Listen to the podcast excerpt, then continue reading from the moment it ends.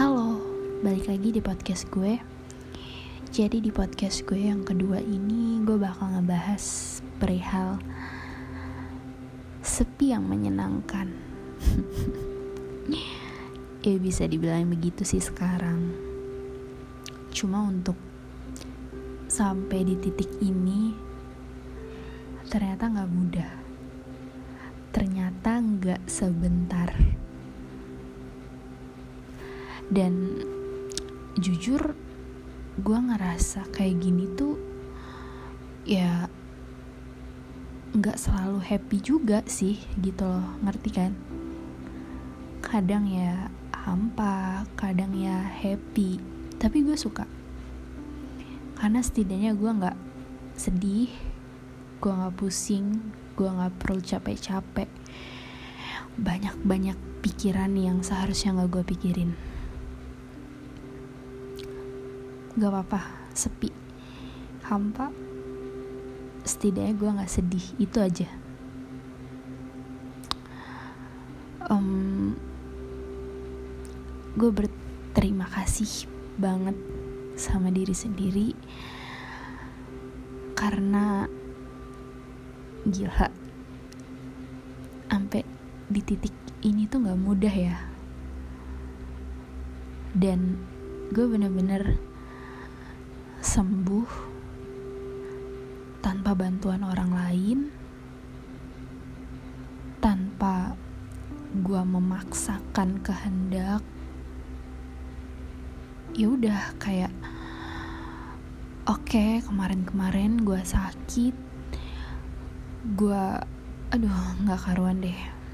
Itu bener-bener kayak gue rasain sendiri, bener-bener sakitnya gue nikmatin dan itu bayangin itu nggak sebentar.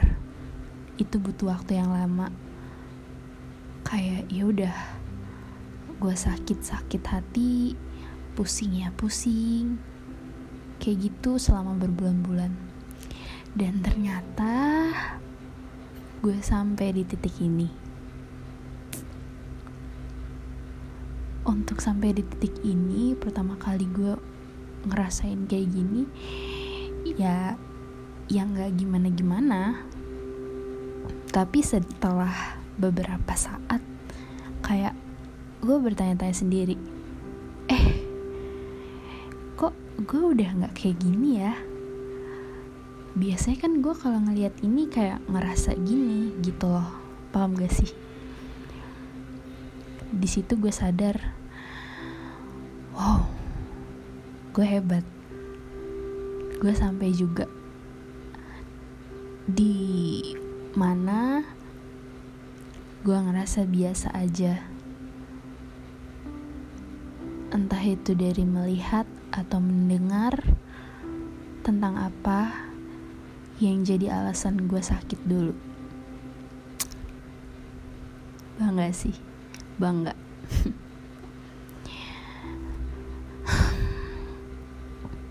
Gue nggak tahu lagi sih mau menyampaikannya secara apa gimana yang jelas ya gue seneng. Seneng gue bisa jadi diri sendiri lagi. Kehidupan gue bukan tentang sedih-sedih mulu lagi. Semoga kemarin terakhir deh gue sedih selama itu